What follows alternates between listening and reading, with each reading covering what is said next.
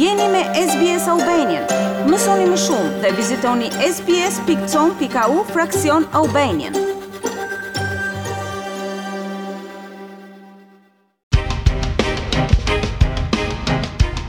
Një studim global i publikuar këtë javë nga studiuesit e mjekësisë evolucionare në Universitetin e Adelaides ka zbuluar se njerëzit që jetojnë në familje më të mëdha kanë më pak rrezik të vdesin nga demenca dhe mund ta ndalojnë përparimin e sëmundjes për një kohë më të gjatë. Të ndjekim raportin. It's really awful. It's Është vërtet e tmerrshme, është një sëmundje e keqe. As unë dhe as nëna ime nuk ishin të përgatitur dhe kjo është përvoja më traumatike e jetës time. Griffith Young është një 54 vjeçar nga Melburni. Ai e ka fjalën për nënën e tij Jackin, e cila në moshën 84 vjeçare po lufton me sëmundjen që shumë njerëz e quajnë lamtumira e ngadaltë. Demenca është një nga sfidat më të mëdha për sektorin shëndetësor të shekullit të njëzet e një me një kosto globale mbi një trilion dollarë australianë. Nëna përpiqej ta menaxhonte sëmundjen, duke mbajtur ditarë dhe libra me kujtime, si dhe duke marrë ilaçe për të përmirësuar kujtesën dhe për të ngadalësuar demencën. Por në dy mijë e tetëmbëdhjetë-dy mijë e nëntëmbëdhjetën, ajo mori një kthesë për keq. Demenca është sëmundja vrasëse e dyta më e madhe për australianët dhe shkaku kryesor i vdekjes për gratë australiane.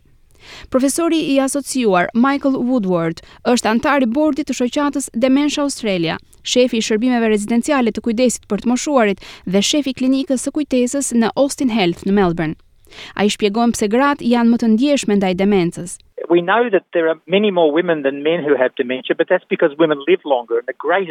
Dimë se ka shumë më tepër gra sesa burra që vuajnë me demencë, dhe kjo për shkak se gratë jetojnë më gjatë, dhe ky është faktori më i madh i rrezikut për demencën së bashku me historinë familjare. Gjithashtu, gratë janë më të prirura ndaj kësaj sëmundje për shkak të disa sëmundjeve të tjera që rrisin rrezikun e demencës, si depresioni, por edhe rënia e hormoneve pas menopauzës, që nuk ndikon mirë në qelizat e trurit. Demenca ende nuk mund të kurohet. Megjithatë, një studim i ri nga kërkimet në mjekësinë evolucionare në Universitetin e Adelaides ka zbuluar se njerëzit që jetojnë në familje të mëdha kanë rrezik më të vogël për të vdekur me këtë sëmundje, si dhe sëmundja u përparon më ngadalë. Hillary Lee është presidentja e programit Shkëndija e Jetës, i cili synon të krijojë një mjedis ideal për njerëzit me demencë, në mënyrë që t'u vijë në ndihmë të rehabilitohen dhe të rikuperojnë aftësitë e humbura. Ajo thotë se zbulimet e fundit nuk janë surprizuese, duke patur parasysh atë që tashmë dihet për demencën. Dihet se vetmia dhe izolimi mund të jenë kushte pararendëse për njerëzit që fillojnë të shfaqin shenjat e demencës, prandaj socializimi është shumë i rëndësishëm. Profesor Maciej Henneberg është autori kryesor i studimit dhe thotë se gjetjet e tij tregojnë për sistemin neurohormonal të trurit. our emotions are based on neurohormonal regulation of the brain. Ne jemi krijesa emocionale. Emocionet tona bazohen në balancën neurohormonale të trurit. Për këtë arsye demenca mund të jetë rezultat i mungesës së disa emocioneve. Sistemi neurohormonal është zhvilluar miliona vjet më parë në komunitetet e hershme njerëzore, ku për të rritur një fëmijë merrej një fshat i tërë. Nëna dhe babai, gjyshja dhe gjyshi, hallat dhe xhaxhallarët, përbënin komunitetin e madh të mjedisit familjar, që në bashkëpunim me njëri-tjetrin krijonin një sistem të fortë neurohormonal. This creates a need for emotional regulation that is positive so Na duhet një balancë emocionale që është pozitive, në mënyrë që të ndiejmë emocione pozitive ndaj njerëzve të tjerë. Me pak fjalë, dashuri. Oksitocina quhet hormoni i dashurisë. Ne mendojmë se këto marrëdhënie bashkëpunuese, miqësore dhe të dashura njerëzore krijojnë mjedis më të mirë neurohormonal për funksionimin e trurit.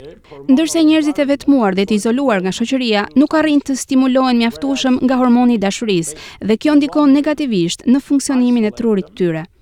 Ende nuk jemi aq të përshtatur me tendencat bashkëkohore për të patur familje të vogla, hapësirë personale dhe individualizëm më të madh.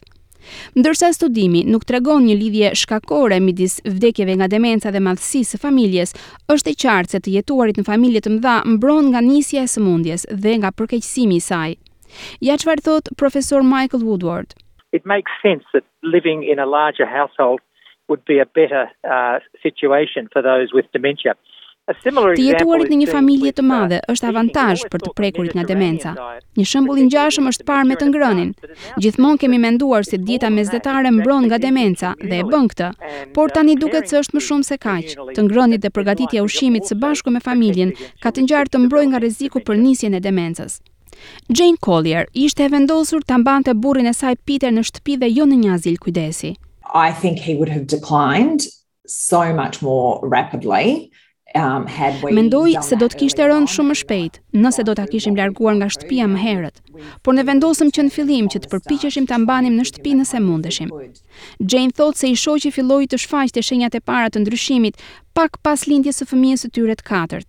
Peter që tashti është pesëdhjetë e gjashtë vjeç, ishte atëherë në fund të tridhjetave. My husband who was always very patient with the other three children became Burri im i cili ishte gjithmonë shumë i duruar me tre um, fëmijët e tjerë, u bë shumë më pak i durueshëm.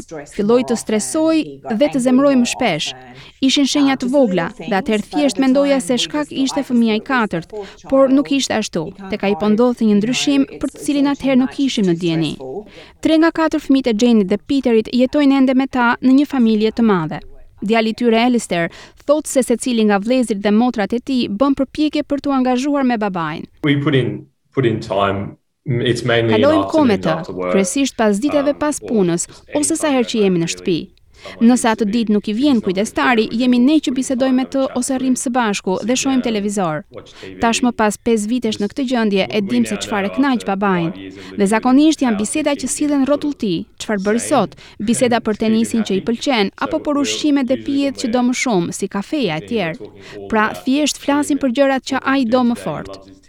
Hillary Lee thotë se lloji i komunikimit është gjithashtu kyç për njerëzit me demencë. one of the really essential things is the quality of that human connection because you could have people around you. Një nga gjërat vërtet thelbësore është cilësia e komunikimit njerëzor. Nëse pa dashur fillojmë t'i kujtojmë tjetrit sfidat e kujtesës, kjo mund t'ua përkeqësojë frikën dhe shqetësimin që ata kanë për veten e tyre. Pra duhet të jemi vërtet të vetëdijshëm që njerëzit rreth të sëmurit me demencë përbëjnë botën e tyre sociale si dhe përvojat e tyre shumë reale të përditshme. Profesori Henneberg thotë se kur një mënyrë jetese tradicionale, si për shembull një familje e madhe, nuk është e mundur, njerëzit që vuajnë me demenca duhet të kërkojnë diku tjetër për të rritur komunikimin dhe marrëdhëniet e tyre pozitive me të tjerët. Kjo mund të bëhet përmes fqinjve, grupeve të komunitetit dhe angazhimeve të tjera sociale. Phil Hazel, tani gjashtëdhjetë vjeç, u diagnostikua me demencë pesë vite më parë. Ai jeton me gruan e tij Jen, e cila punon me orar të plotë, por ai thotë se puna e tij me njerëz të tjerë që vuajnë nga e njëjta sëmundje krijoi për të një komunitet krejtësisht të ri.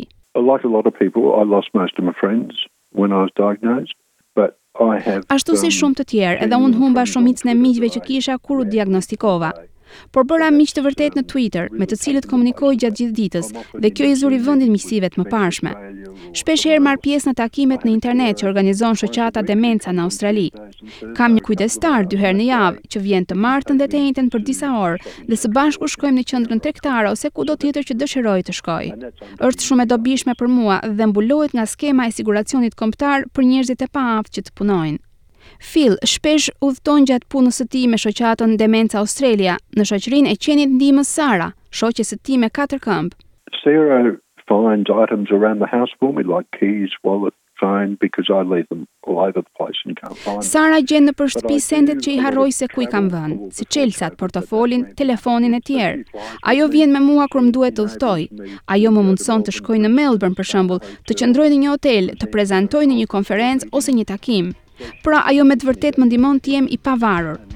Edhe gruaja ime është më e qetë, sepse e di që Sara do të kujdeset për mua kur jam jashtë, në aktivitetet e mia sociale.